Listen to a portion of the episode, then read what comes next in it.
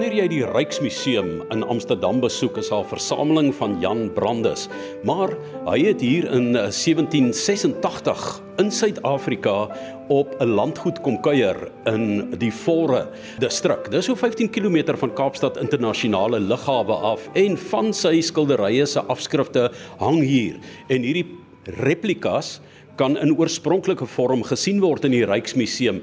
En ek gesels met Pieter Cronje eh, wat um, die geskiedenis gaan navors het van hierdie pragtige omgewing, landgoed, die spesiale helder berge in die agtergrond van hierdie skildery Pieter waarna ons kyk, hoe die mense gearbei en gespin het in daardie tyd en natuurlik die wonderlike bewaring van die geboue wat opgeteken is want mense vertel stories, geboue brand af. Ehm um, daar word nuus gebou en hier kon 'n mens sien in 1786 hoe dit gelyk het. Vertel vir ons van Jan Brandes en hoekom was hy hoegenaamd hier? Jan Brandes het vir ons 'n ryk kunskat nagelaat. Hy was feitelik 'n jaar hier as gas van die destydse eienaar meneer Logner hier op Vergenoegd Leuf. En hy was 'n baie produktiewe kunstenaar wat allerlei kunswerke, waterverwe, sketse en olieverf skilderye gemaak het van die natuurlike omgewing, diere, plante, visse. Hy het 'n besondere belangstelling in voëls gehad en hy het ook panoramas geskilder van die omgewing en die opstal.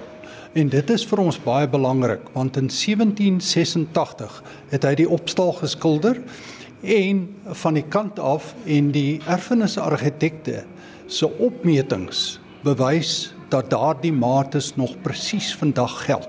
En dit beteken hierdie hierdie plaas, hierdie wynlandgoed is behoue. Dit is nie herbou of deur vuur vernietig nie. Pieter en as 'n mens hier afstap is hier nog talle ander skilderye van Jan Brandes en tekeninge eintlik van hom. Dit lyk my hy het 'n besondere liefde gehad vir plantlewe en uh, dan het hy Tafelbaai ook geskilder. Nou dit was nou uh, baie lank terug in 1786. Fantasties, magnifiek om dit te sien. En dan walvisse, maar jy was sekerlik nie walvisse hier op die plaas by ver genoeg leef waar ons vandag staan nie. Jan Brandes was natuurlik eers 'n predikant en ook kunstenaar. En hy het baie wyd gereis in sy lewe na ehm um, deel van die destydse Nederlandse kolonies. Hy was in Batavië byvoorbeeld en op sy seereise het hy natuurlik ook walvisse en visse gesien. Die natuur het hom geboei en hy was baie produktief met blomme en landskappe en diere en voëls en ons is vandag bevoorreg dat hy vir ons daardie visuele greep uit die geskiedenis van die ou Kaap kon agterlaat.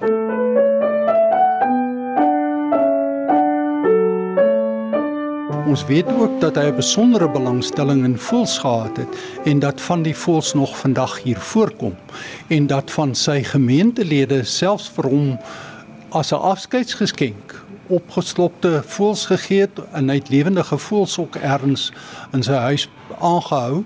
So ons is bevoorreg dat hy hierdie tyd op ver genoeg leef kon bestee het en vir ons die beelde kon vas lê en dit is ook hoekom die Ryksmuseum die kunstskatte aangekoop het omdat dit so betekenisvol is en dat dit nou in hoë digitale resolusie beskikbaar is op hulle webwerf. Pieter, maar die vraag is wat het hy genaamd in Suid-Afrika kom doen hierdie dominus? Ehm um, Jan Brandes was hier op 'n sending missie. Hy moes die evangelie kom bedien en hy het hier toe bevriend geraak met Johan Logter wat in daardie stadium die eienaar was en hulle moes aanklank gevind het en gelei het tot die uitnodiging om byna 'n jaar hier te bestee as sy gas. Hy het ook baie van die sosiale lewe ehm um, het hy vasgelê. Daar is byvoorbeeld in die Herehuis 'n afbeelding van 'n kaartspeelaand met Logner en 'n kat wat rustig op die vloer sit en dit gee vir ons half die atmosfeer van hoe die mense destyds geleef en ontspan het.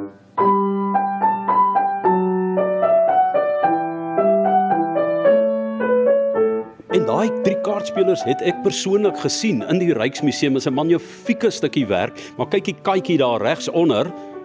En dan is daar jong, die jong mense, hulle praat van shots, maar dit is so 'n uh, skietkelkie, glasie wat hulle in hulle hande hou. Het hulle uh, daai tyd dan so iets hier geniet of sou dit 'n brandewyntjie gewees het of wat vermoed julle? Wel, hier loop uh, 'n uh, sterk Duitse invloed deur die geskiedenis en ons weet byvoorbeeld dat Lochner wat die eienaar was toe Brandes hier gekuier het as gas. Hy deel dieselfde geboortedorp as die huidige eienaar professor Loof.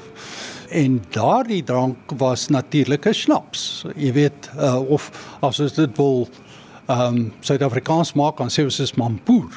Maar ehm um, dis beslis wat jy gesien het in daai glasie. Dit was nie 'n wynglasie of 'n brandewyn glasie nie, dit was 'n snaps glasie.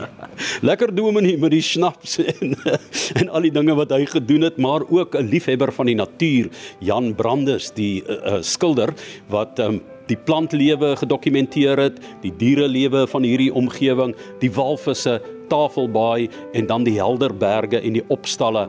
Wat 'n fantastiese sieraad vir die oog is dit nie? Hierdie plaas het 'n ryke geskiedenis en 'n ryke erfenis. En ons het gevoel dit is nie net die moeite werd nie, maar ook nodig om dit te dokumenteer en vas te lê omdat daar aanvanklik van die stigting van die plaas tot in 1820 was dit vryburgers. Hulle was nie almal geskiedskrywers nie. En ons moes toe gaan sniffel. En gelukkig het ons op Dr. Reese afgekom wat toegang tot die belastingrolle gehad het en daardie deel kon dokumenteer en toe het Joanne Gibson vir ons verder gaan navorsing doen oor die forest en ons is gereed om binnekort hierdie inligting met 'n bietjie meer mense te deel. Maar dit was vir ons 'n noodsaaklike en ook 'n verrykende proses want hier so baie elemente. Ek bedoel hier was nog altyd gemengde boerdery, nou is ons by hernubare landbou. Hier was riesiesperre op die plaas. Hier is 'n ryk kalkneerslag wat gemeen en verkoop is aan pad en boukontrakteurs van ons ringmure word vandag nog afgewit met die kalk en die kalk gee ook 'n besondere karakter aan ons wyne. Saam met die alluviale afsettings uit die eerste rivier en die minerale, so dit is 'n besondere onderskeid van die vergenoegde loofdreks.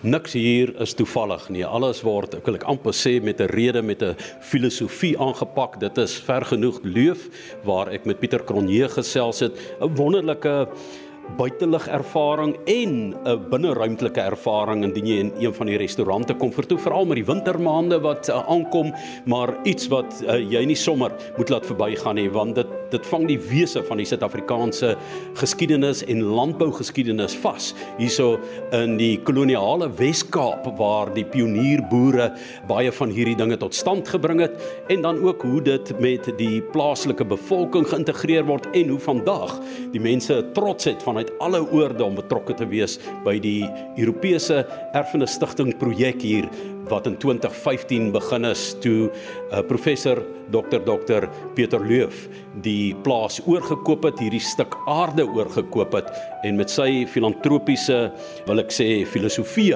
het hy hier baie geld geïnvesteer en jy kan dit hier kon benut deur hier rond te loop, te stap om die damme, die vleie in hierdie vlei landgebied. Ons hoor so baie van die eerste rivier daar bo in Jonkershoek waar dit jolly gaan met die studente langs Koetsenburg vloeie water stroom daar verby die rugby stadion en dan af iewers mond dit uit en jy gaan deel wees van daardie monding se begin die vlei landgebied. Gaan na jou soek engine gaan kyk ver genoeg leef en as jy jou mooi gedra met daai sinspeling op ver genoeg gaan jy vergenoegd wees en as jou vrou jou vergesel, gedra jou so dat sy jou nie vergeesel nie.